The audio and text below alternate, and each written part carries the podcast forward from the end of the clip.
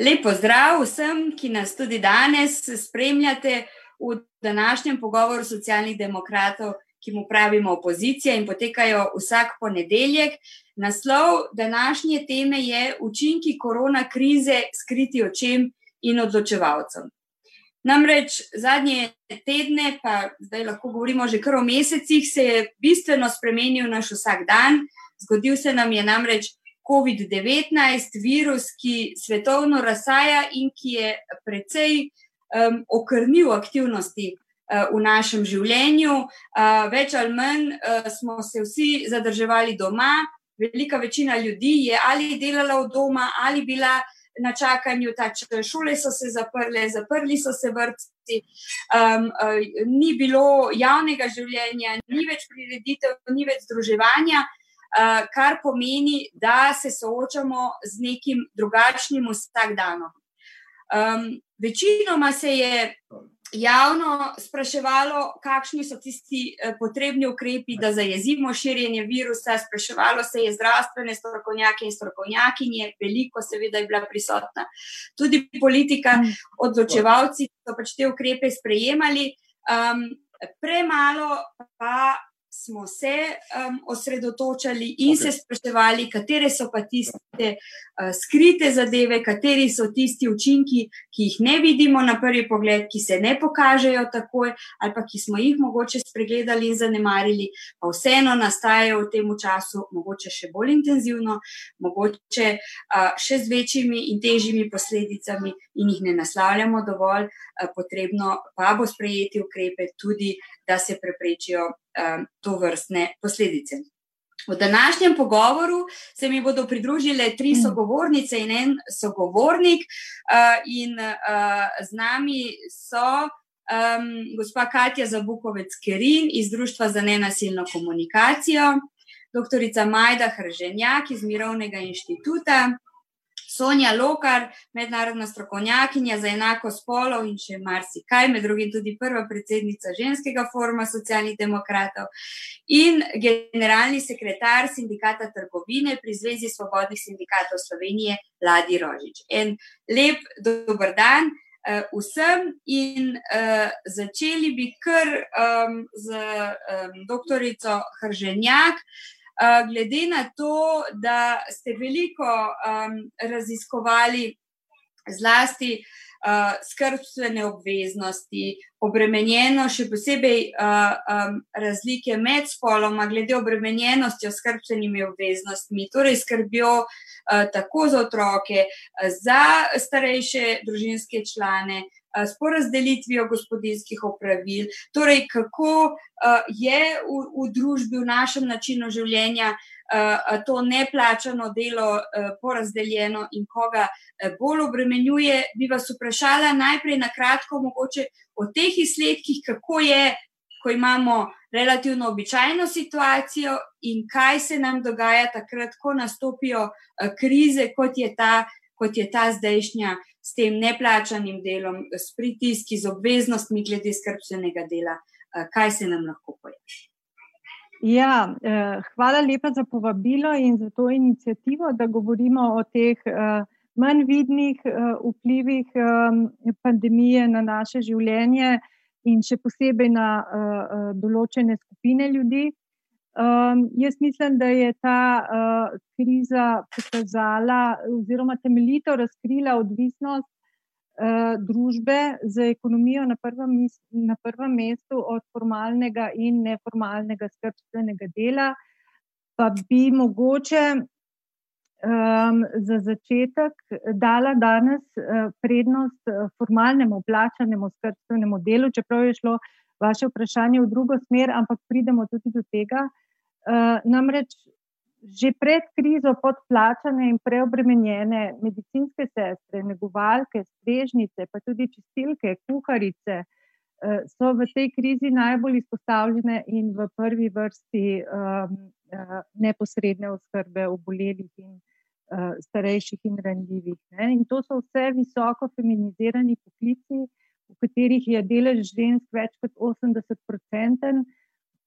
In to so večinoma poklici z minimalnimi plačami. Ne. Številni od teh poklicev se nahajajo v plačnih razredih, ki so celo pod minimalno plačo, kar pomeni, da so tudi simbolno razvrednoteni, ne samo finančno, hkrati so pa, kot se je zdaj zelo jasno pokazalo, temeljni za uh, delovanje družbe. Ne. Uh, in to smo opozarjali mnogi že, že pred krizo. No, in mnogi od teh poklicov so tudi v javnem sektorju, kar pomeni neko neposredno odgovornost uh, države za, za to situacijo. Ne. Uh, konkretno, katero situacijo? Za uh, uh, revščino zaposlenih žensk, ne, velikega deleža. Eh, posebej je treba tukaj izpostaviti, mislim, da v tej situaciji zaposlene v domovih za starejše in v skrbi na domu, ki jih je poleg preobremenjenosti in podplačanosti, ki jih je tudi bistveno premalo, ne, zato, bila, zato so bili njihovi napori v tej krizi uh, enormni, sploh če upoštevamo tudi uh, vem, razkoževanje, samo zaščitne ukrepe, to, to vse so velike dodatne delovne in časovne obremenitve. Ne. Tako da je treba tudi jasno povedati to, da je uh, večina umrlih za COVID-19 v domovih uh, starejših. Razlog za to ni samo to, da so starejši um, bistveno bolj ranljivi za ta virus, ampak tudi finančna in kadrovska podhranjenost dolgotrajne oskrbe starejših, in pa spreminjanje eh, domov starejših v, v negovalne bolnišnice. Ne? In zdaj, kot družba, plačujemo uh, ceno za to opuščanje, uredit, dolgoletno opuščanje ureditve dolgotrajne oskrbe. Uh, in treba je tudi posebej poudariti, in o tem se ne govori, ne, da dolgotrajna oskrba ni spolno neutralen fenomen. Dolgotrajna oskrba uh, bistveno, bistveno bolj zadeva ženske, uh, predvsem z tega vidika, da so da je več kot tri četrt uporabnic storitev dolgotrajne oskrbe žensk, ker imajo ženske pač daljšo življenjsko dobo, eh, da je približno 90% zaposlenih v dolgotrajni oskrbi tudi žensk in da več kot dve tretjini neformalne oskrbe eh, v družinskem krogu tudi, uporabi, eh, tudi upravijo ženske. Ne. Zato je recimo zame opuščanje ureditve dolgotrajne oskrbe poleg tega, da pač pokaže na nek odnos, ki ga ima družba do staranja, do starajočih, eh, do starosti, eh, je za me v bistvu znak oblika neposredne diskriminacije žensk v družbi. Ne. Eh, in to upustitev urejanja dolgotrajne oskrbe ženske plačujejo s svojimi nizkimi dohodki in izgorelostjo, kot delavke, kot družinske oskrbovalke in kot uporabnice ali pa potencijalne uporabnice storitev, ki jih ni dovolj ali pa so predrage. Ne. Tako da, če grem pa zdaj na ta drugi del uh, vprašanja, se pravi neformalna oskrba, seveda. Um, Skrbstveno delo je še vedno, kljub vsej uh, retoriki enakosti spolov, še vedno uh, uh, spolno neenako porazdeljeno. Recimo, uh, kakšno je stanje v neki normalni situaciji, je pokazala raziskava fakultet, javno mnenjska raziskava fakultete za, družbeno, za družbene vede za leto 2019. Eh, če, grem, če malo ilustriram to z nekimi kvantitativnimi podatki, ehm, v, prebiva, v deležu prebivalstva, ki ima skrbitvene obveznosti, bodi si za otroke, starejše ali oboje, eh, je ehm, ženske porabijo tedensko približno 26 ur uh, za skrbstveno delo, neformalno, neplačano skrbstveno delo, uh, moški pa približno 15 ur. Ne. Se pravi, je to nesorazmerje kar, kar precejšnje. Uh, tako da eno, eden prvih ukrepov uh, proti uh, širjenju pandemije je bilo zaprtje vrtcev in šol, kar je predvsem ženske postavilo v izjemno težak položaj. Uh, ker so mogle po eni strani usklajevati svoje, bodi si delo od doma z uh, skrbjo, skrbjo in šol, varstvom in šolanjem otrok, pripravo obrokov in vseh tistih uh, gospodinskih opravil, ki jih to uh, uh, prinese za sabo. In lahko govorimo, da so že, lahko praktično rečemo, da so, da so ženske doživele neke vrste retradicionalizacijo, redomestifikacijo in repatriarhalizacijo. Ne. uh, kot da bi se vrnili v, v obdobje izpred stotih let.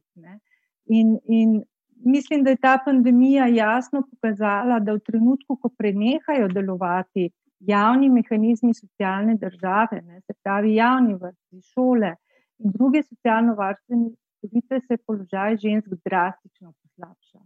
Onemogočeno jim je plačano delo, onemogočena jim je ekonomska neodvisnost, ali pa so dvojno ali pa trojno obremenjene. Ne. In tukaj ne smemo pozabiti tudi recimo na matere samohranilke, se pravi na enostarševske družine, ki jih je v Sloveniji eh, približno 100 tisoč, 95% med njimi je žensk z otroki, ne, kako so one lahko um, usklejevale svoje delo, skrbijo za otroke. Mnoge med njimi niso imele, mož, niso imele privilegija samoizolacije. Um, uh, kako so tiste, ki pa so vendarle lahko ostale doma, kako bo, bojo lahko preživljale uh, se z 80% uh, zniženim dohodkom na 80% zaradi varstva otrok. Ne. Če upoštevamo, da je plača marsikatere od nje že minimalna plača. Tako da um, na te stvari se mi zdi, smo, mal, smo jih spregledali no, v, v, in v medijih, in v ukrepih. Hvala lepa, Majda. Zdi se mi, da je bilo kar nekaj istočnic potem za, za drugi del pogovora eh, podanih. Um, ko pogledamo dogajanje za štirimi stenami, ne moramo mimo tega, da um, ne bi govorili o, o nasilju, o nasilju nad ženskami, o nasilju nad otroki, o uh, družinskem nasilju. In uh, po podatkih policije uh, se je v, zdaj v teh mesecih uh, naše korona krize za 20 odstotkov povečalo število obravnavanih primerov uh, nasilja uh, v družini, um, kar To so torej prijavljeni primeri, ki jih je policija dejansko obravnavala. Uh, Katja, Društvo za nenasilno komunikacijo um, deluje vse čas, tudi v tej krizi, uh, tudi vaš telefon deluje 24 ur na dan. Uh, kaj opažate zdaj v tem času, uh, kdo se na vas obrača, ali je mogoče še več tega strahu prisotnega, opažate mogoče manj. Uh, uh, prijav, manj uh, pravzaprav um, neke vere v, v to, da se velja uh, ob, uh, ne, na nekoga obrniti in odreagirati, ali mogoče uh, se pojavlja ta občutek, da se tako in tako ne morem ničesar storiti, bom raj potrpeti. Mm. Lepo pozdravljeni, lepo pozdravljeni. Ja, um, podatki iz začetka krize in zdaj se popolnoma uh, razlikujejo in so se res stvari precej spremenile. Na začetku, ko smo ostali doma, se je zdelo, da se število klicev nikakor ne bo povečalo. Uh, zdelo se je, da smo se vsi zaprli v te naše družinske kroge, skrbeli za šolske obveznosti otrok, čuvali otroke, skrbeli za starše, jim odnašali hrano in podobno. In pravzaprav je število klicev na naš telefon upadlo strani uporabnic, se je pa povečalo število klicev iz naše strani, ker smo poklicali vse.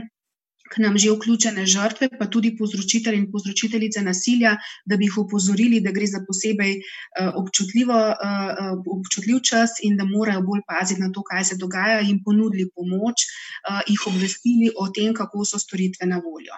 Ker smo ugotovili, da število klicev ne narašča, so pa podatki iz tujine kazali, da seveda to prisilno sobivanje poveča število nasilnih dejanj, smo odprli 24-urno linijo, ki jo je zdaj Slovenija dobila prvič, čeprav jo Istanbulska konvencija predvideva, prav zato, da bi bili lažje dostopni, da bi žrtve nasilja lažje poklicale morda v času, ko povzročitelji spijo. In zaradi te 24-urne dostopnosti se je število klicev res močno povečalo, pa ne nujno po noči, ampak zgleda, da samo dejstvo, da je pomoč na voljo kadarkoli, vpliva na ljudi tako, da jo bolj koristijo. Povečale se, se je torej zlasti število popodanskih klicev in zdaj opažamo kar 66-procenten porast vključenosti v programe našega društva. Za ostale nevladne organizacije še mal čakamo na podatke. Tako da um, v tem času so žrtve, ki so klicale, govorile o dveh stvarih: od teh, da se nasilje, ki je prej že se dogajalo, da se nadaljuje in stopnjuje. In pa govorijo o tem, da se pojavlja na novo, ker se pojavljajo nove stiske, nov stres, in vsi ljudje enostavno niso dovolj dobro upremljeni, uh, da bi s tem nekako pravili. Zdaj poročajo tudi o tem, da se je pravzaprav večina dela z otroki, za šolo, čuvanje otrok, pa oskrba bolnih, da se je prenesla na nje, da so, zaradi, da so zaradi tega popolnoma zaprte med štiri stene, da se nimajo časa niti slišati s prijateljicami uh, po telefonu, kaj šele karkoli drugega, In uh, ure, ki so jih morale ženske nameniti za šolsko delo, za pomoč otrokom v šolskem delu, so se štele v desetinah vsak teden. Tako da, čeprav se je zdelo, da vse teče normalno naprej, se mi zdi, da so se ženske vse bolj umikale v neviden in neslišen uh, prostor doma, kjer so pač samo skrbele za druge, skrbele zase, in posebej so bile v tem času obremenjene samohranilke. Ker že če zase pomislimo, ne, zdaj, ko gremo v trgovino, traja vsaj enkrat več časa za to porabimo, kot smo včasih. Samohranilke so pa večinoma ostale povsem same z otroki in tudi tiste, kjer so vse stiki izvajali, izvajali pa se večinoma niso, ne, so um, morale vse del bremen. Pomoči za šolsko delo in podobno prevzeti na se. Tako da zlasti one poročajo o absolutni izčrpanosti. Včasih imajo doma po tri ali več otrok in morajo vsem njim pomagati pri šolskem delu, hkrati jih mnogo dela od doma. Um, in to, kar je povedala doktorica Hrženjak, lahko samo iz prakse potrdim. Za večino samohranilk ostaja ogromen strah čas poletnih počitnic in zato iz Društva za nenasilno komunikacijo stalno apeliramo, da je treba razmišljati o tem času, da se bojo lahko mame vračale v storitvene dejavnosti, pač v različne uh, službe, bodo potrebovale nekoga, ki bo skrbel za otroke. In letos to ne bojo mogli biti stari starši v tako velikem deležu, kot so to včasih bili. Poleg tega pa danes samohranilke nimajo denarja, da bi plačevali za počitniško varstvo, ki je izjemno drago, sploh če imajo po več otrok, ki jih je treba nekam varno uh, dati v varstvo. Tako da zdi se mi, da ko se bo končalo obdobje izolacije, bomo šele lahko opazili, kako velike stiske so se v tem času dogajale za zaprtimi zidovi. Ženske včasih povejo, ko pokličejo tudi to, da ne morejo zdaj razmišljati o nasilju, da nimajo časa, da so ene stvari, ki jih je enostavno treba za ta čas potlačiti, odložiti na urejanje uh, kasneje, in da se morajo skoncentrirati na to, da preživijo oni in njihovi otroci, da se morajo skoncentrirati na to, da pač zadovoljijo njihove osnovne potrebe. In ta čas po izolaciji je verjetno čas, ko bomo pa videli največ tega, kar se je dogajalo, ko bodo dejansko lahko ljudje začeli sploh razmišljati in govoriti o tem, kako težko je bilo. In zato je izjemno pomembno, da bi v času šolskih počitnic, vsaj letos, šole in vrtci ostali normalno odprti, da bi lahko vanje brezplačno pripeljali otroke, tisti, ki drugega varstva nimajo, da bi imeli tam organizirano tudi prehrano in da bi lahko ženske ponovno šle in poskrbele za svojo ekonomsko neodvisnost, da bi lahko preživele svoje družine. To se mi zdi strašno pomembno, ob tem, ko me v teh dneh kar veliko sprašujejo mediji o nasilju, vsi hočejo vedeti samo hudo je to, kar se doma dogaja. Jaz pa stalno opozarjam na to, da bo še huje to, kar se bo kasneje dogajalo. Na zapoznele učinke te izolacije je treba računati in jih preprečati, kolikor se le da. Hvala lepa um, za ta vidik. Um, kar nekaj je bilo rečenega o, o zaposlenih ženskah, o, o samohranilkah, um, ki so zdaj še posebej na udaru, pa že vse čas je to izrazito ranljiva skupina, ki. Ki um, uh, se sooča z največ uh, pritiski in obremenitvami, pravzaprav pa tudi z večjim deležem revščine in, in eh, tako dalje, ne, da ne govorimo o, o nekih čustvenih in drugih stiskah, ki jih to, ki jih to povzroči. Um, Ladi Rožič, kot um, generalni sekretar sindikata trgovine, uh, ste zato zagotovo eden tistih, ki um, verjetno ste imeli zdaj um, ogromno uh, stika s terenom, ogromno klicev vaših sindikalnih zaupnic, ker v trgovini je daleč največji delež. Uh, uh, zaposlenih žensk, še posebej v živilskih trgovinah, ki so vsta čas uh, krize bile uh, odprte, uh, ki so se na začetku soočile z um, ogromno pogoji, pod katerimi naj delujejo, delovati so pa morale. In uh, te zaposlene uh, so bile tiste, ki so v službo morale hoditi, kljub, kljub vsem drugim obveznostim. Uh, in me zanima ta, ta vtis terena, uh, kakšna je, je bila in je še danes pravzaprav v veliki meri situacija, uh, in uh, kako vi vidite uh, pač, um, um, ta del. Ja, lepo zdrav še z moje strani. Veselim me, da smo se tudi te teme dotaknili ker v bistvu v trgovini je 80% zaposlenih žensk. In ko se je kriza začela, ko so se vrci zaprli, so mamice, mlade mamice ostale pretežno doma, eh, starejše delovke so mogle pa delati, oziroma so delale. In te starejše delovke imajo v glavnem, kot je že prej bilo rečeno, tudi kakšne starejše starše, ki jih je treba vzdrževati, in treba cel hudično. Eh, kar po eni strani so izredno ekonomsko odvisne od plače, po drugi strani morajo pa vzdrževati tudi doma starejše, za katere skrbijo. In doben se ni upal biti več pogovarjati o tem, da bi starostnika dal v dom. In uh, test, uh, enostavno, tle je en velik gap, čutimo, kako te zadeve urediti. Jaz sem sam zraven sedel pri desetih zakonih, mislim, da v dolgotrajni oskrbi v naši državi nismo naredili o tem nič. Ne. In enostavno zdaj vidimo, da moramo tle nujno nek preskok narediti, zagotoviti sredstva in rešiti to problematiko, ker enostavno to je prevelika obremenitev za te nizko plačene delovke. Morate vedeti, da v trgovini so v glavnem ljudje nekje okoli minimalne plače, 1100, 1000 evrov bruto. Eh, in te ljudje pač delajo za, za, za ta drobiš, ampak je pomemben za njihovo preživetje. V času krize smo opažali, da je vedno več nasilja na delovnem mestu. Vedno več je bilo agresivnih kupcev, ki so se nedostojno vedli, agresivno do ljudi. Tako da zdaj že v zadnjih dveh letih organiziramo neke tečaje, kako se obnašati pri teh agresijah, ki jih je vedno več niso samo za štirimi zidovi, ampak enostavno ljudje so, jaz ne vem, kaj je z njim, uh, deprimirani in eh, nadlegujejo, odrivajo zaposlene, in dejansko to je nesprejemljivo. Zdaj, kar, kar smo še opažali, je velik strah. Strah pred obolelostjo in strah pred tem, da so bile delovke v trgovini zapostavljene, še posebej takrat, ko smo zahtevali da se jim dodelijo zaščitne maske.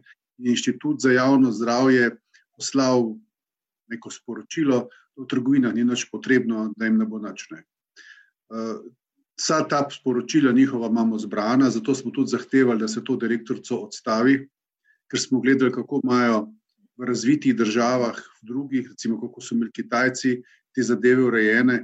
In le s tistim nekim agresijo smo uspeli da so tudi te ljudi v trgovinah zaščitili z pleksistekli, z, z rokavicami oziroma z maskami. V glavnem, kar ena velika zmeda je nastala, ker dobeden na to zmedo, saj v zasebnem sektorju ni bil pripravljen. V javnem sektorju so o tem razmišljali v njihovi kolektivni pogodbi, če v zasebnem sektorju enostavno dobenem ni padlo na pamet, da bi se te naši 30-letni zgodovini kaj tazga lahko zgodili. Zdaj, uh, kaj je najhuje za me? Najhuje je to, da se še vedno izvaja ta velik pritisk na zaposlene, da še vedno delodajalci neenakomerno razporejajo delovni čas, da so delovke po 10-11 ur v službah, zato ker pač drugih ni in se jim zdi čisto normalno, da si delajo ure na zalogo, ki bi lahko koristile v mesecu decembru ali pa novembru, oziroma kadar bo delodajalcu pa, pa, pa spasalo. Ne. To je enostavno za me nespremljivo in se že pogovarjamo, da je potrebno, nujno potrebno tudi zakon o delovnih razmerih spremeniti, posebej te delovke, ki delajo krajši delovni čas. Druga, drug problem so matere samohranilke. v trgovini je tega ogromno. Mi imamo v kolektivnih pogodbah, skušali smo reševati te stvari tako, da, da smo omejevali delo v nedeljo tem materam, vendar, kot vidite, kapital je tle izredno močan, ker ne na zadnje, v nedeljo mati samohranilka, pa tudi kdaj drugače, ko jih razporejajo delovni čas popovdne, nima otroka kam dati. In uh, pride punce, vse zafrustrirane k nam, pomagajte. Ne. Zdaj, ena rešitev bi bila ta, da tudi pozdravljam, da bi bile tudi med počitnici in vrtci, pa mogoče šole odprte, enostavno, da se lahko nekam otroka da varstvo, tako varstvo, ki mu zaupaš. Uh, samo še eno uh, pod vprašanje. Veliko smo poslušali zdaj o um, korona zakon številka ena, pa korona zakon številka dva z različnimi uh, uh, ukrepi, in um, kar je zelo, zelo ostalo nekako uh, v zraku, uh, poleg um, ne, tega, da se je reklo um, različnim ciljnim skupinam, bomo dali. Enkratne zneske, zato da lažje prebrodijo to krizo, tudi dodatki zaposlenim bojo, Eh, pa krizni dodatek, potem se je pa zraven reklo, računamo, da bo zasebni sektor prisluhnil temu in tudi, a ne svojim zaposlenim, pač izplačal um, določene dodatke oziroma uh, pač te enkratne zneske. Um, ne, ko pač nekdo tako to posluša, uh, uh, ki seveda uh, ne potrebuje ta denar za preživetje in ko je odvisen od dobre volje nekoga, ne, hkrati pa uh, ta dobra volja ni potrebna za to, da pa pač mora uh, delati vse čas v razmerah, kakršne so, ne, se vprašaš. Torej, mene zanima, ali v trgovini. Uh, kakšen je bil odziv delodajalcev, ali so vsi zaposleni, ki so delali v tem času, uh, dobili izplačan ta dodatek, ali so dobili tisti enkratni znesek, kaj, kaj, kaj je s plačili? Zadeva je sledeča. Ne? Mi smo zahtevali, da bi vsak delovka, delavec dobila po 500 evrov neto.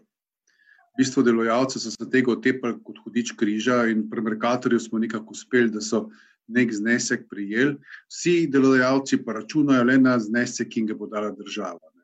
In da je absurd še večji, če ima delovka 1000 evrov plače in država da tem podjetju za delovko 244 evrov, delovko dobi pa 200. Če ima delovka 1500 evrov plače, da država tem delodajalcu 357 evrov, delovka dobi pa 200. In če ima recimo delodajalka, da lahko preračuna narejene, vzemo 3000 evrov plače, 3x3 minimalne plače, dobi delodajalec za delovko preko 700 evrov, delovki da pa 200 evrov. Mislim, to je absurd. In na, na podlagi tega si pač naše, naše podjetje kujejo, kujejo dobičke. Ne na zadnje je pa COVID, ne vem, jaz sem bil zraven, mi smo pripombe pisali na, na vse člene.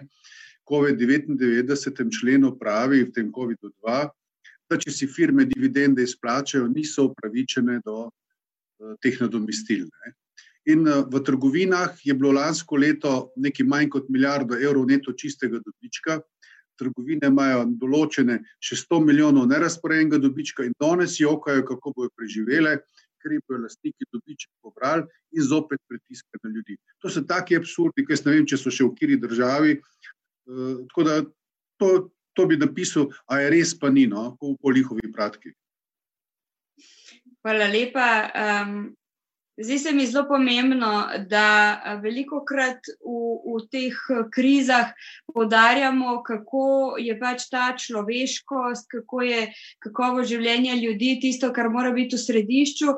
Ko pa potegnemo črto in ko se naredi skupiček, pa vidimo, da so ravno ljudje tisti, ki so največ zgubili, imamo pa pač določene um, skupine, ki pa ne, temu se potem reče, vojni dobičkari izidejo z izrazito veliko koristmi v zelo kratkem času.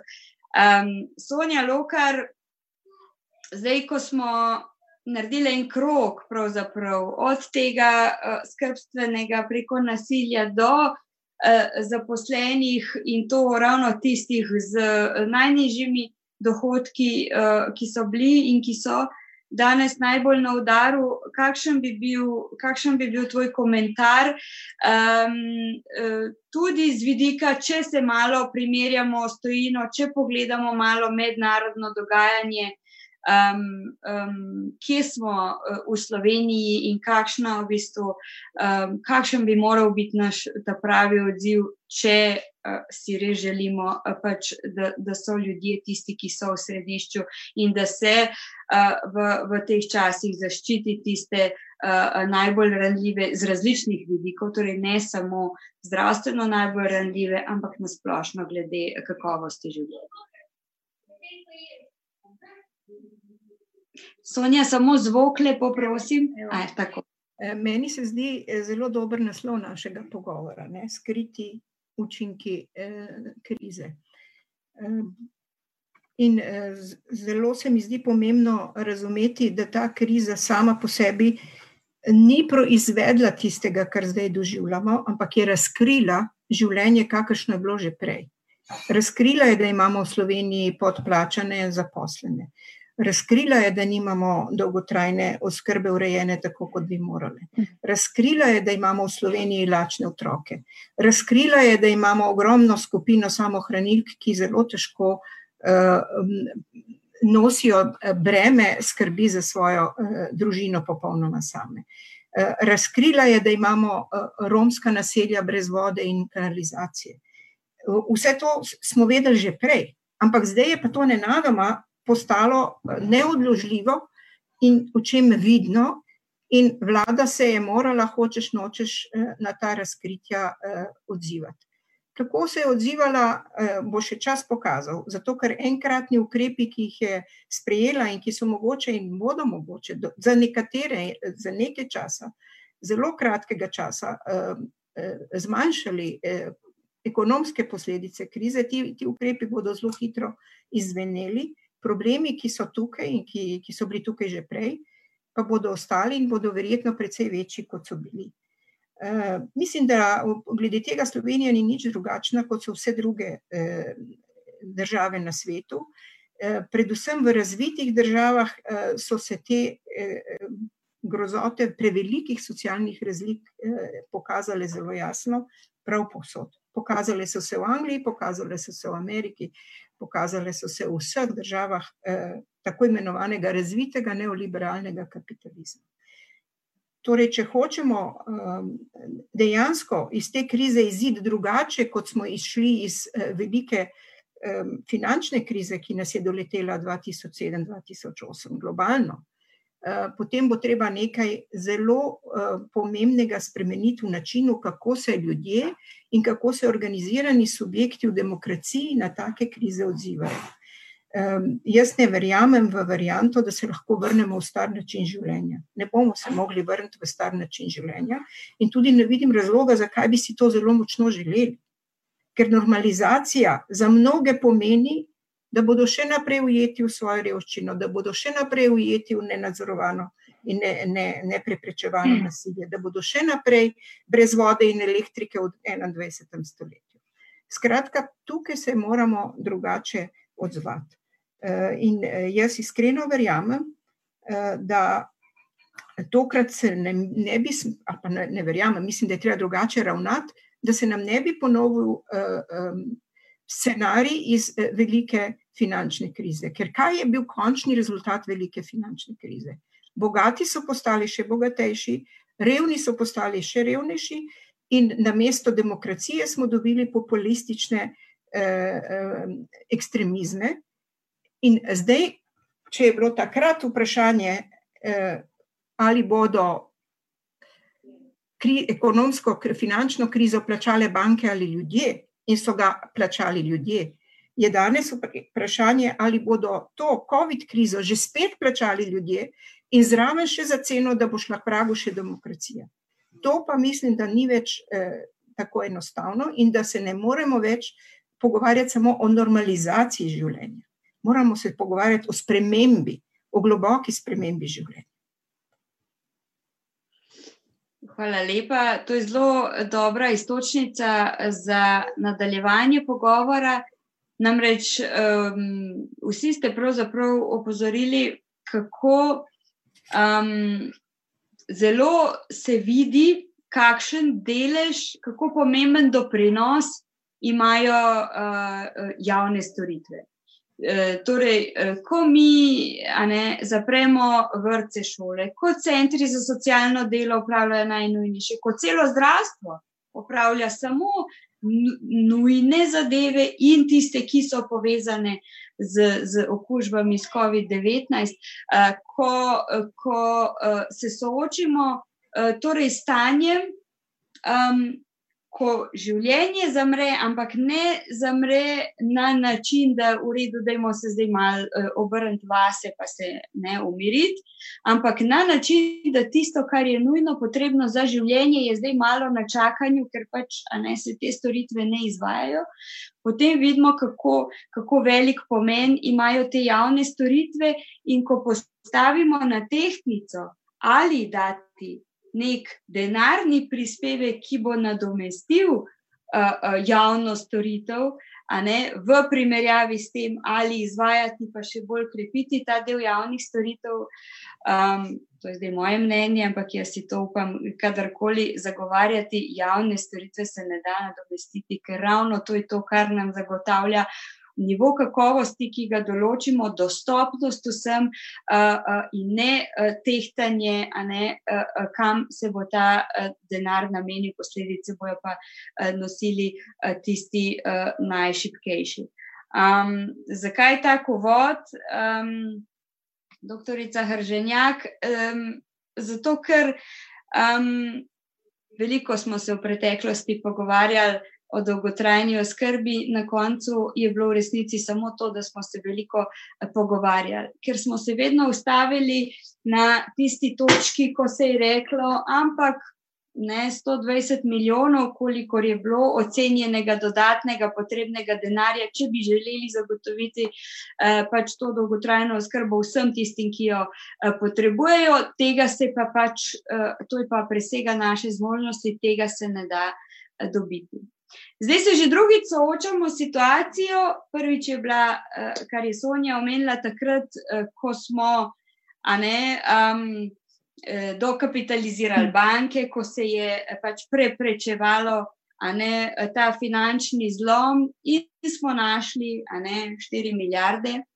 Zdaj se soočamo uh, trenutno že z dvema sprejetima zakonoma, ki imata um, mislim, da oba skupaj nekje 7 milijard finančnih posledic. Naš slovenski proračun um, je težek 10 milijard. Uh, naš celoten letni BDP uh, je nekaj čez 40 uh, milijard evrov. Pa torej, a ne se da v 14 dneh spisati zakon s 3 milijardami posledic in rečemo, bomo zmogli. Ali smo torej prej, a ne, um, si vzel to pomankanje finančnih sredstev kot izgovor, oziroma ali ko razmišljamo za naprej, ne sme biti uh, prva in glavna ovira, kje bomo vzeli denar, ampak kakšna mora biti tista storitev, ki jo nekdo potrebuje, kdo je ta, ki jo potrebuje, da imamo to narediti. Potem pa očitno se denar da najti, zato ker je pač potrebno pretehtati, na kakšen način ga preusmeriti v družbi. Ja, to ste zdaj odprli zelo kompleksno vprašanje. Um, jaz v osnovi mislim, uh, da denar za pomembne stvari vedno je, da je to stvar redistribucije in politične volje in političnih prioritet. In uh, za dolgotrajno oskrbo bi že zdavnaj mogla ta politična volja in ta te politične prioritete biti. Ne. To mi smo zelo, zelo, zelo v zaostanku.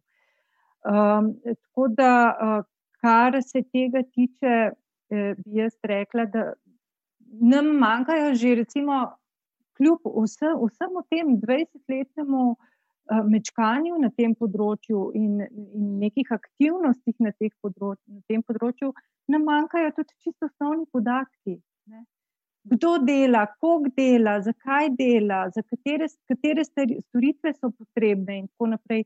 Sploh ne, nekih osnovnih študij ni narejenih, kaj in kako moramo sploh narediti. Tako da mislim, da na področju podatkov in sploh podatkov in sploh specif spolno specifičnih podatkov v Sloveniji smo zelo slabi. Ne, Tudi kar se tiče zdaj te krize, ne, kdo dela, kdo je imel uh, privilegij samoizolacije in samozaščite. Um, uh, Po spolu in po drugih družbenih kategorijah te statistike, koliko ljudi je bilo testiranih po spolu, koliko jih je uh, zbolelo, koliko jih je ozdravilo, koliko jih je umrlo, in tako naprej. Ne. Vse te statistike bi mogle biti spolno specifično razpoložljive takoj in vsak dan sproti. Ne. Eh, drugače, kar se tiče um, dolgotrajne oskrbe, bi jaz eh, dodala samo še to, da tukaj je nujno delati na, na štirih področjih hkrati. Eno je uh, de, na definiciji uh, storitev in sploh na uh, dovoljšnih kapacitetah za za, za storitve, da bodo uh, ljudje sploh imeli dovolj storitev na razpolago, tako pomoči na domu, kot institucionalnih storitev. Uh, potem je potrebno definirati način sofinanciranja, se pravi, to je tisto, ko se govori o, košarici. Uh, potrebno je poskrbeti za delavke, da imajo dostojno plačilo za svojo zelo težko delo, in potrebno je, potrebno je uh, vzpostaviti mrežo podpor za uh, neformalne družinske oskrbovalke. Jaz mislim, da ta štiri uh, področja so pri dolgotrajni oskrbi uh, ključnega pomena, zaradi tega, ker celo področje se pa kaže kot izredno kompleksno in, komplicirano in nepregledno, ampak mislim, da te štiri točke so, so prioritete. Hvala lepa. Um, Katja Zabukovec, Predvsej je bilo um, javne polemike o, o tem, kakšna je vloga nevladnih organizacij, uh, koliko in kaj nevladne organizacije uh, prispevajo. Um, ampak, če pogledamo samo na področje um, uh, nasilja, nasilja nad ženskami, nasilja v družini, uh, dela uh, s povzročitelji, uh, um, in tako dalje. Um, tukaj nevladne organizacije uh, opravite levji delež ne, vseh uh, storitev, uh, vseh uh, izobraževanj, od preventive do torej kasneje, ne, uh, ko pač nasilje nastaja in se je treba z njim soočiti in odpravljati posledice. Uh, seveda tudi podprto ne, strani države finančno, kar vendarle je eh, osnovni eh, eh, namen, takrat, ko država preloži določene storitve torej na nevladne organizacije, ne, jih seveda tudi financira, ker je ta osnovna logika, to ni izumljeno v Sloveniji. Pa me zanima um, vaš pogled na to in uh, dejansko, kako. Um, um, v tem času, jaz vem, da ste. Um, kaj se je zgodilo tudi uh, um, s temi delavnicami za povzročitelje? Kdaj, ka, kak, kdaj se bodo te posledice videli, oziroma kaj lahko uh, tukaj opazimo? Uh, in um, ti preprosti, a ne reki, uh, treba je kar prenehati financirati nevladne organizacije, se tako in tako ni koristi, a ne kdo bo nosil potem to odgovornost in te posledice, ki bojo nastale, če se slučajno to zgodi. Ja. Vsa pomembna vprašanja. Dejansko je, da saj na področju nasilja, kjer jaz delam, sistem pravzaprav stoji na delu nevladnih organizacij. Zelo pomembno funkcijo upravljajo druge službe, da ne bo pomote. Tako centri za socialno delo, policija, sodišče, tožilstvo. Eh, tudi del zdravstva in drugi, ampak vendarle velik delež tega pa upravimo v nevladnih organizacijah. Smo pa nevladne organizacije izjemno ranljive. Dejansko so programi, kot so najosnovnejši programi, varne hiše. Pa svetovalni programi za žrtve spolnega nasilja, vse svetovalnice in pa programi za delo s povzročitelji nasilja, absolutno odvisni od razpisov, ki jih pač razpisuje država, in lahko tukaj se dogajajo tudi zelo, zelo, zelo nefajn stvari.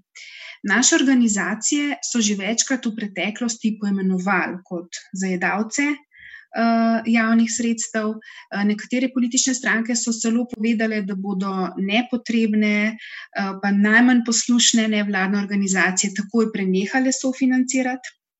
Uh, s čimer pa lahko dejansko vsaj na področju nasilja sistem pade.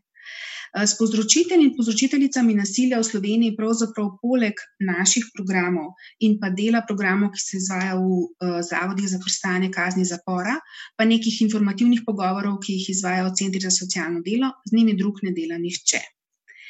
In če postanejo programi nevladnih organizacij na ta način ranljivi, da morajo, iz, da morajo stalno izražati pokornost, um, pa neko hvaležnost do vladajočih političnih struktur, je to izjemno slabo, uh, izjemno nevarno in pa seveda škodljivo.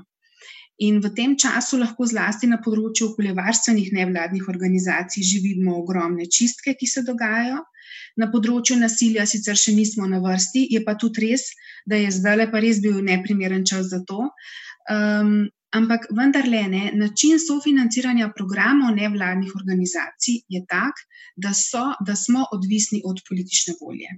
To je zelo problematično, zelo sporno, sploh na področju socialnega varstva, in o tem je dobro govoriti. Eh, ker hkrati, ko imamo izkušnje, nam pa na nek način ni um, dopuščeno, da bi o teh izkušnjah iz prakse govorili veliko javnosti in pozivali uh, ljudi na položajih odločen, odločanja, da pač uvedejo potrebne spremembe. Uh, funkcija nevladnih organizacij ni samo, da izvajamo programe. Funkcija je, da smo kritične do oblasti. Funkcija je, da povemo v imenu tistih, ki govoriti ne morejo. In recimo žrtve nasilja so zagotovo ena od takšnih skupin, ker skrbijo za svoje preživetje, torej se politično le redko udejstvujejo. In um, to ne sme biti nikoli ranljivo. Za delovanje demokracije je uh, to, da se nevladnim organizacijam, civilni družbi omogoča glas, nujno in bistveno. Brez tega jaz mislim, da demokracije ni. No in ta zlitost obojega, ne, na en način ranljivosti in pričakovanja neke pokoščine, na drugi strani pa vloge nevladnih organizacij, ki mora biti kritična do uh, oblasti in države, to pogosto striže in ne sme se poznati na tem, um, kako se lahko socialno-varstveni programi v Sloveniji izvajo. Hvala lepa, se mi zdi um, zelo, zelo pomemben uh, poudarek. Um, Sonja, um, Naslov uh, tega današnjega pogovora je učinki korona krize skriti očem in odločevalcem. Um, ker nalašč ni uporabljena eh, oboje spolna oblika, torej odločevalkam in odločevalcem, uh, ker pravzaprav vidimo samo odločevalce. Torej, v, v, tem današnjem času, v, v kriznih časih, še toliko bolj uh, uh, pride do izraza um, ta nek vojaški način ukazovanja in poveljevanja, in na ta način sprejemanja odločitev. Ne, da bi dejansko ugotavljali uh, potrebe uh, in ne, na kakšen način uh, se soočiti s situacijo, Imamo pa en dober svetovni primer, a ne uh, um, iz Nove Zelandije. Tam je predsednica vlade, ki um, ni rekla, ne bomo se soočali s krizo, to je konstrukt, to sploh ne obstaja, korona je brez izjemnih, bomo živeti kot prej. Oni so sprejeli ukrepe, oni so izvajali ukrepe, uh, uh, oni so tudi se kar striktno tega držali ampak uh, način njenega komuniciranja, sporočanja, razlaga, zakaj so neki določeni ukrepi potrebni, dokdaj bodo potrebni, kakšni bodo koraki za naprej. Uh, ta predvidljivo, predvidljivo spodbujanje občutka zaupanja in varnosti, si pa upam trditi, je pa bil tam popolnoma drugačen. Ali je možen zaključek, da je to pogojeno s tem, ker je tam predsednica vlade ženska, um, pa ni edini, ne, e, taki, tak primer, um, ali ne, je, je pač um, na pamet tako govoriti. Ampak.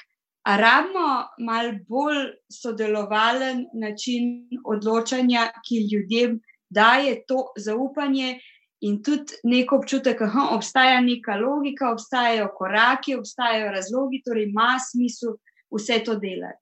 Ali je bolj pomembno, da pač ljudje upoštevajo, kar jim je naročeno, in ni pomembno, da se s tem lahko poistovetijo. Uh, ja.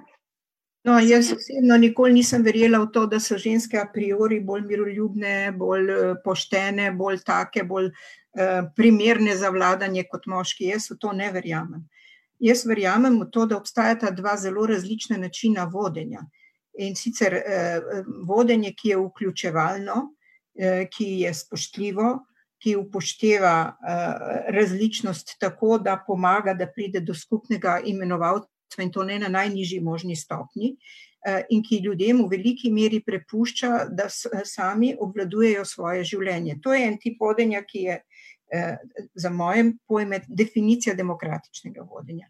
Seveda pa obstaja tudi vodenje, ki je avtokratsko, ki se bolj na, na, zanaša na prisilo, uh, ki se drži principa, če, če, če, si, če nisi enakega mnenja kot sem jaz, si proti meni, torej si sovražnik in te je treba utišati.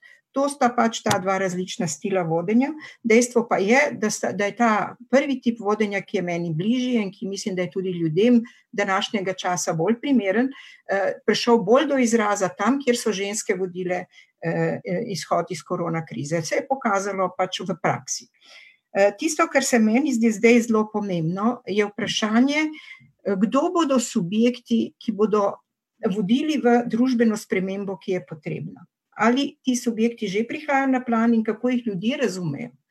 Uh, pred nekaj dnevi smo imeli v FEPS-u, v, v mislišču evropskih eh, socialdemokratov in socialistov, en razgovor o prihodnosti Evrope na osnovi raziskave, ki so jo naredili uh, v vseh evropskih državah in tudi izven evropskih držav, in so ljudi spraševali, kakšno idealno Evropo si predstavljajo, kakšno si želijo. Tisto, kar je mene najbolj presenetilo v tej eh, raziskavi, da se je izkazala izredno nizko zaupanje v vse eh, tradicionalne subjekte političnega organiziranja.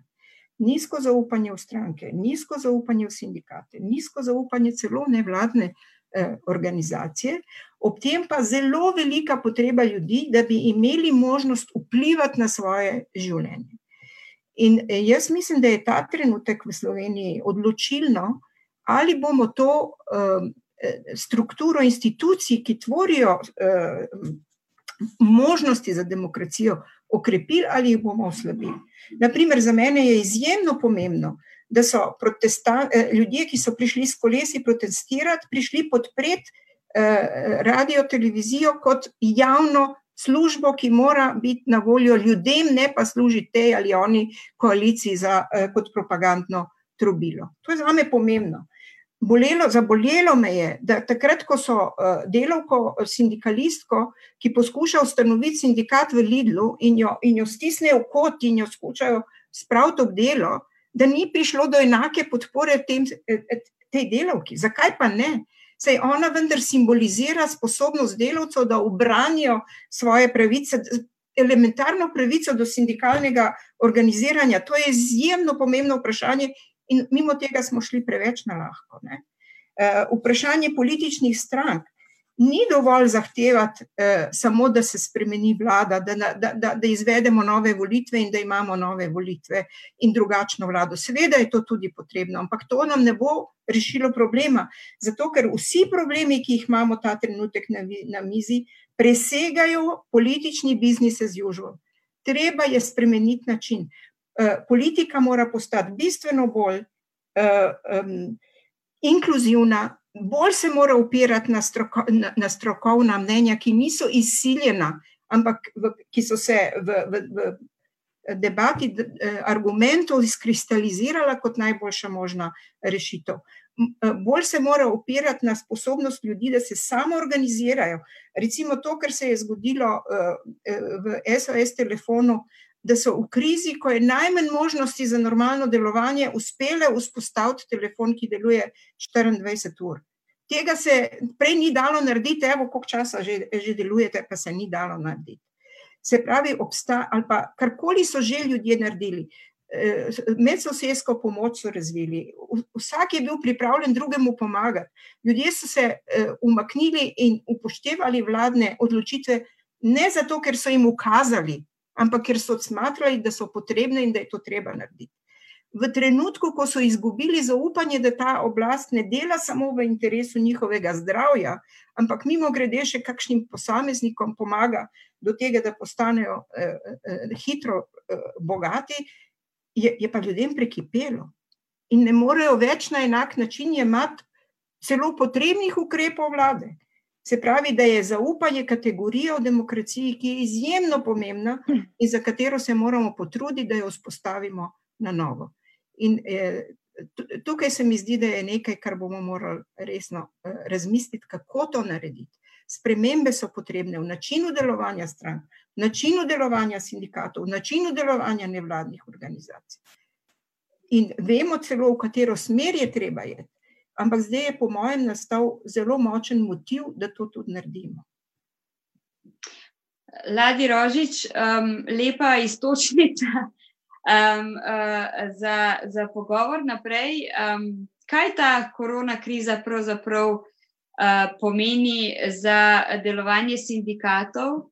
Um, a bo um, nekako uh, ljudi prepričala v to, da je pomembno to povezovanje zaposlenih delavk in delavcev, da enotno zastopanje interesov lahko pomeni uh, uh, večjo moč, uh, a se bo zmanjšal individualizem na ta način. Uh, in um, kaj se dogaja zdaj v tem času krize s socialnim dialogom, uh, z ekonomsko-socialnim svetom? Uh, uh, a bo nekako um, to prineslo večje zavedanje o potrebnosti to vrstega načina usklajevanja ukrepov, ali bo prineslo um, potihem neko normalnost, uh, pravzaprav odsotnosti uh, socialnega dialoga. Vem, da je kar nekaj od teh tudi retoričnih vprašanj, ampak. Vele.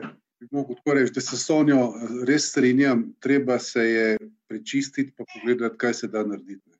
Sicer jaz gledam za trgovino, nam pri trgovini nimam problemov, ker članstvo nam narašča, pač smo nekako bolj prepoznavni in nam še nekaj gre. Ne. Uh, problem bo, kaj bo. Mi smo danes zjutraj sedeli vrh naše, naše organizacije in se pogovarjali, kaj bo po krizi. Mi se bolimo, bojimo, kaj bo šele septembra, pa oktober. Ker takrat bo ta kriza udarila ven, tam bo po naši oceni okoli 120 tisoč brezposelnih, in praviloma bodo to nizko izobražene ženske.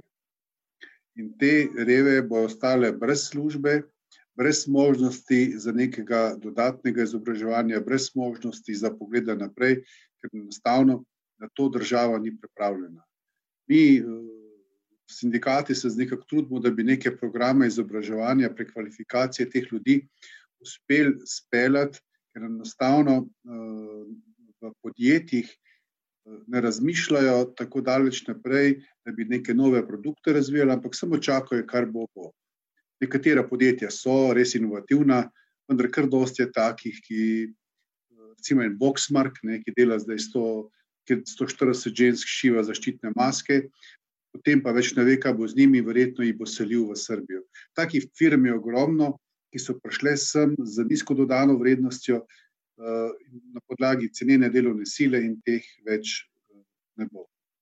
Glede avtorativ, avtorativnega vodenja naše države, ne, jaz mislim, da če bojo to krizo nadaljevali in če bo to krizo producirali še naprej, da smo ga vsi nevladniki, se mi smo ne nazadnje, tudi nevladniki, nastradali, ker enostavno nas bo začeli še bolj šteti, kot naštejejo. Ne. V sindikatih sicer imamo to srečo, ker imamo tako močno članstvo, pa neko, neko denarno podporo, da še lahko nekako dihamo. Kar se tiče pa ostalih nevladnih organizacij, bo pa resno težava. Predvsem teh, za katere vsi smatramo, da so nujno potrebne. To, kot je kolegica prej razlagala, uh, glede, glede nasilja. Enostavno, jaz ne vem, kdo bo to delal v naši državi, ker do zdaj nihče ni delal. To so stvari, o katerih se bo treba pogovarjati, stvari, v kateri bo treba odpirati. Tudi mi imamo razno razne pozive, da je sodelovka modra prišla v službo, skušamo pomagati, samo nima se na koga obrniti. Se to, je, to je problem v tem, da to nasilje je skrito za štirimi stenami, tudi pri teh uh, sodelovkah, ki jo vidijo, ne, so strašno slabe reakcije znotraj teh uh, trgovin, celo posmehujejo se taki ženski. No. Tako da, tlele, jaz mislim, da, da v naši državi teh stvari enostavno nismo še dovolj spregledali. Če bomo še res te nevladne organizacije ukinili, ker centri za socialno delo imajo čisto drugo funkcijo, trenutno, kot bi mogli imeti, smo na, nismo na safe side. Ne. Eh, po drugi strani pa še glede teh odpuščanj, kot sem prej rekel, ne, eh, v, v delovno intenzivnih panogah, kaj bo za tekstilom, kaj bo za, vem, za enim eti izlake, ker delajo tako enostavno dela punce in to v nekih revirjih. Pač malo analiziramo, kje se zna kaj zgoditi in kje se zna spet kakšna polomija ob gorenju še zgoditi. Ker ko bo v velenju 600 delov šlo iz straka na, na pravnem delu na, na cesto, vprašaj, kam te delovke vtakniti, kaj z njim narediti, ne more biti na socialni podpori. In uh, po drugi strani, uh, ko sem že prej govoril, mi smo obravnavali v državnem svetu, te zakone ne bi obravnavali.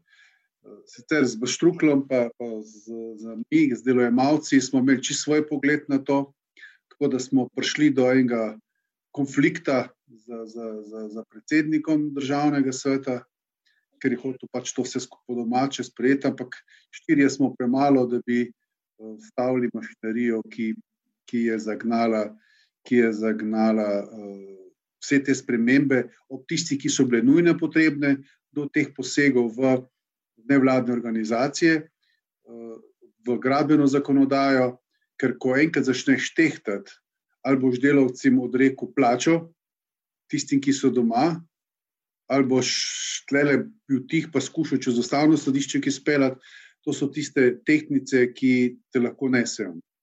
In če ti veš, da je tukaj in tukaj 100 tisoč, mislim, da je 350 tisoč ljudi doma, ki so čakali na, na ta denar, ki ga bo država poklonila, jaz ne vem, jaz ne vem kak, kako bi gledali na sindikate, če bi sindikati rekli, mi smo proti. Eh, po drugi, po drugi strani je pa še ena stvar, tle, ki, o kateri se pa treba tudi resno pogovoriti, pa zdaj tudi ta COVID-3, ki prihaja in ta zadožitev. Verjemite mi, da se bomo novembra pogovarjali o ZUIF-2. In ta ZUIF-2 bo posegel v javni sektor, kje bo rezal, kje ne bo rezal, ne vem. Ampak po šestih mesecih bodo čisto vsi pozabili na tole krizo, ki jo imamo zdaj, in bojo zopet uh, skušali vse delavce v javnem sektorju uh, marginalizirati oziroma zmanjšati njihovo pomembnost, ki smo zdaj videli, kako pomembna je od javnega šolstva do javnega zdravstva. In to so stvari, če se sem spomnim, ko sem sedel s tem oblastniki, ko gremo pred vsakim volitvam z njim na razgovor, je njihova osnovna ideja bila ravno te, ko so danes na oblasti, vse privatizirati. In ti, volk, lahko namenjamo. Mogoče ga lahko pobarvaš, ampak čut postane, pravijo v Srbiji. Zato jaz. Um, bližamo se koncu tega našega pogovora. Jaz bi um, kratko, mogoče vsako kakšni minutki, še za zaključek uh, odprla eno ključno vprašanje, ki je ne, še za dva taka pogovora uh, uh, potrebno in sicer, um, kaj naprej. Zdaj smo slišali, uh, to je zelo realna ocena torej, po tej korona krizi se bo zgodila nova ekonomska in finančna kriza. Uh, um, verjetno bo pač recept reševanja podoben, torej nov ZUIF, uh, ki je um, največje posledice negativne prinesel spet ravno uh, ljudem um, uh, na kakovost njihovega življenja. Okrnil je, torej znižal je plače, okrnil je uh, storitve, zmanjšal uh, ne, um, socialne transfere. Skratka, iskal vrčevanje uh, uh, tam, kjer že tako in tako ni rezerv. Mi še do danes nismo prišli na tisto popolnoma glede vseh pravic na isto raven, kot je bila pred letom 2008, ampak verjetno je neizbežno, glede na te finančne posledice in glede na vse dogajanje, da bomo ponovno priča temu. Torej, kako naprej, kaj se bo, kaj se bo dogajalo poleti, a verjamete, a mislite, a se vam zdi potrebno, da bi bil pripravljen že danes nek načrt po korakih soočanja s temi posledicami, tako skritimi kot eh, odkritimi. Um, in um, toliko no, za izhodišče.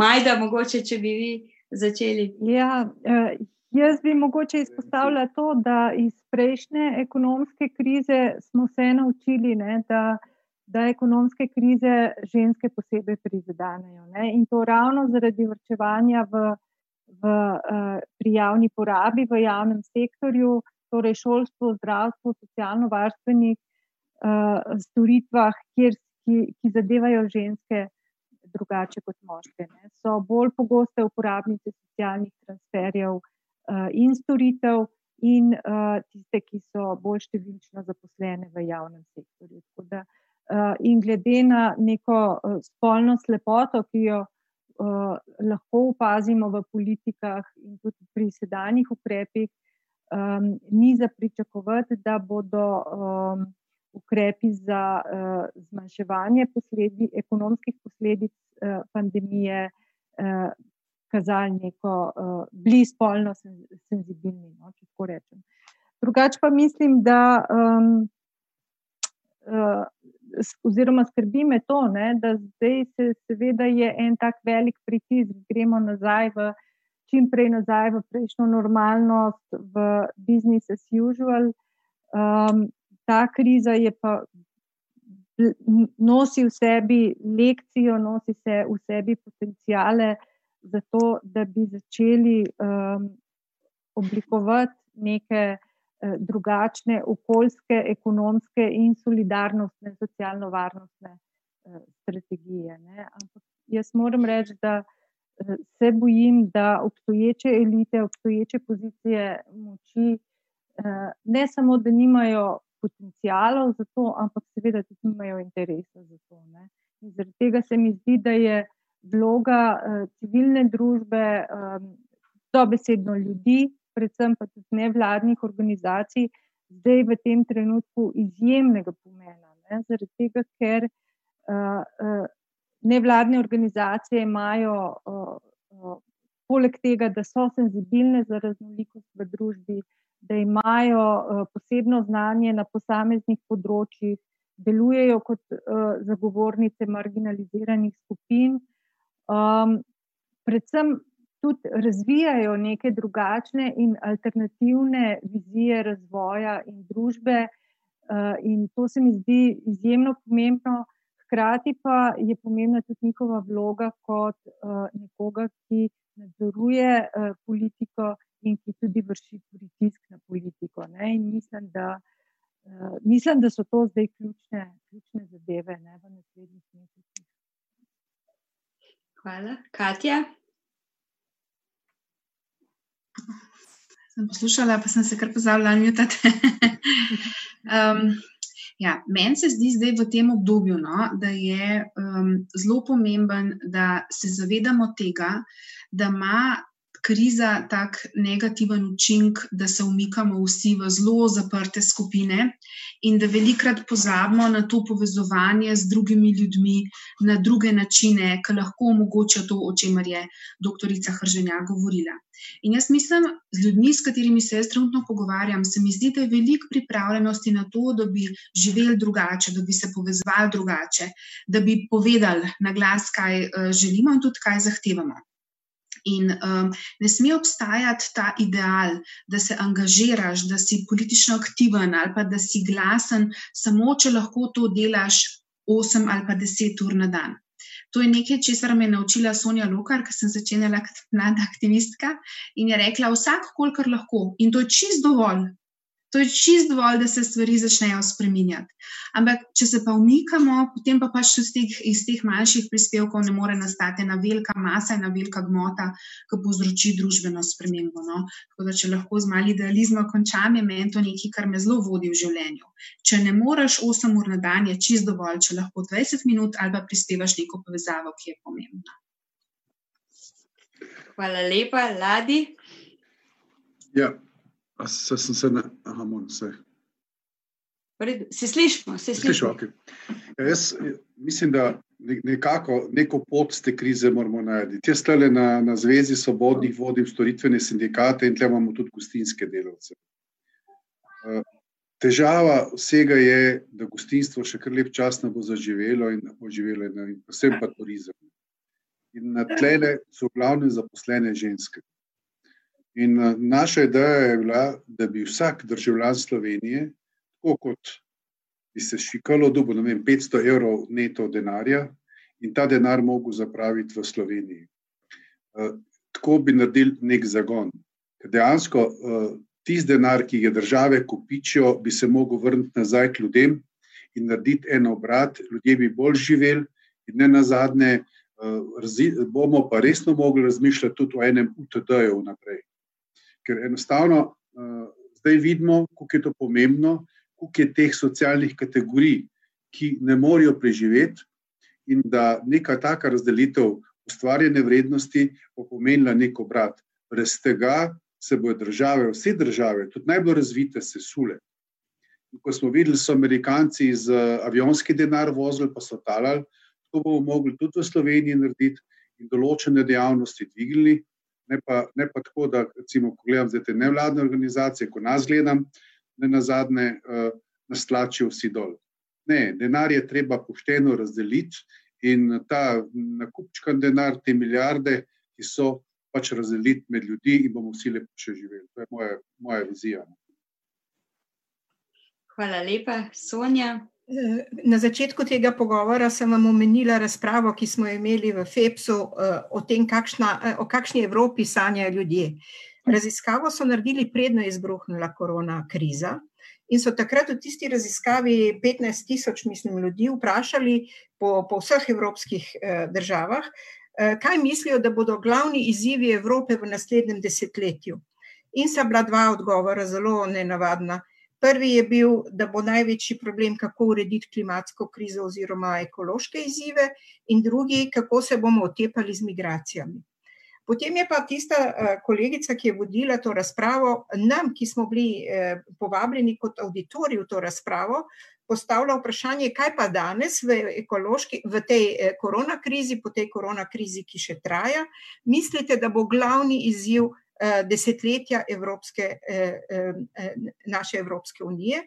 In potem smo pač glasovali, in je prišlo na dan, da smo večinsko ocenili, da bo glavni izziv preprečiti neenakosti, ki bi lahko družbo pripeljale do implozije. Ne do eksplozije, do implozije, to je nekaj drugega. Torej, za mene je odgovor, kaj, kako naprej, zelo jasen. Absolutno moramo iskati alternativne rešitve, ki bodo vsem ljudem v družbi omogočile, da živijo na povprečju krajevno normalnega življenja.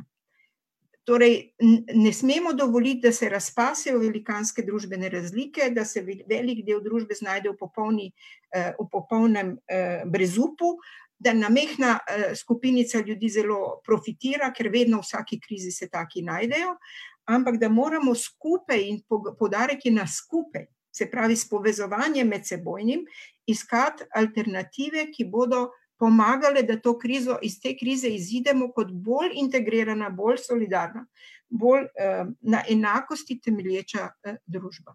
Uh, čas je v bistvu za demokratičen socializem pa če je to komu všeč ali ni všeč. In če ga ne bomo eh, uspeli si zorganizirati s svojim medsebojnim sodelovanjem takoj, potem si ga bomo zorganizirali po veliki katastrofi, ki bo nastala, ker se bodo družbe pogreznile v, v velike medsebojne konflikte in te konflikte bodo reševali z avtoritarnimi sredstvi. Izbira je popolnoma eh, jasna. ampak je pa odvisno od nas, ki smo sposobni pri, uh, se boriti za alternativo, kako bomo to uh, storili. Jaz ne, ne, ne kličem k revoluciji, jaz kličem k sodelovanju. Jaz kličem k, k integriteti tistih, ki sodelujemo. Jaz kličem k povezovanju. In jaz upam, da smo sposobni v tej družbi to narediti, ker vse, kar smo do zdaj v tej korona krizi naredili, mene opogumlja, da smo kot ljudje sposobni to narediti.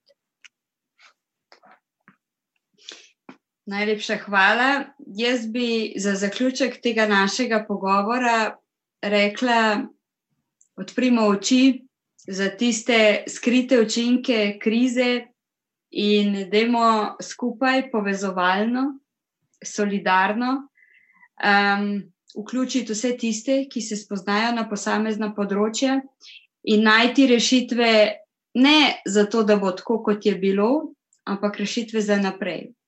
Da bomo ustvarjali tako družbo, ki si jo vsi skupaj želimo, in um, to pa pomeni, da se moramo vključiti vsi, vse in vsi, vsak, kolikor zmore in kolikor lahko. Najlepša hvala vsem trem eh, sogovornicam in sogovorniku. Bilo mi je res veliko veselje. Jaz mislim, da smo vsaj malček eh, od, odstrnili te skrite učinke eh, korona krize, ki nastajajo in s katerimi se bo v prihodnje potrebno še kako soočiti. Bolj, ko se jih bomo zavedali, prej, ko se jih bomo zavedali, manjše ali pa težje lažje bodo potem posledice in lažje bomo stopali v neko boljšo, pravičnejšo, eh, manj razdeljeno družbo. Hvala lepa za danes, hvala vsem, ki, nas, ki ste nas poslušali eh, in gledali, in vidimo se v novi opoziciji spet čez en teden. Hvala lepa. thank you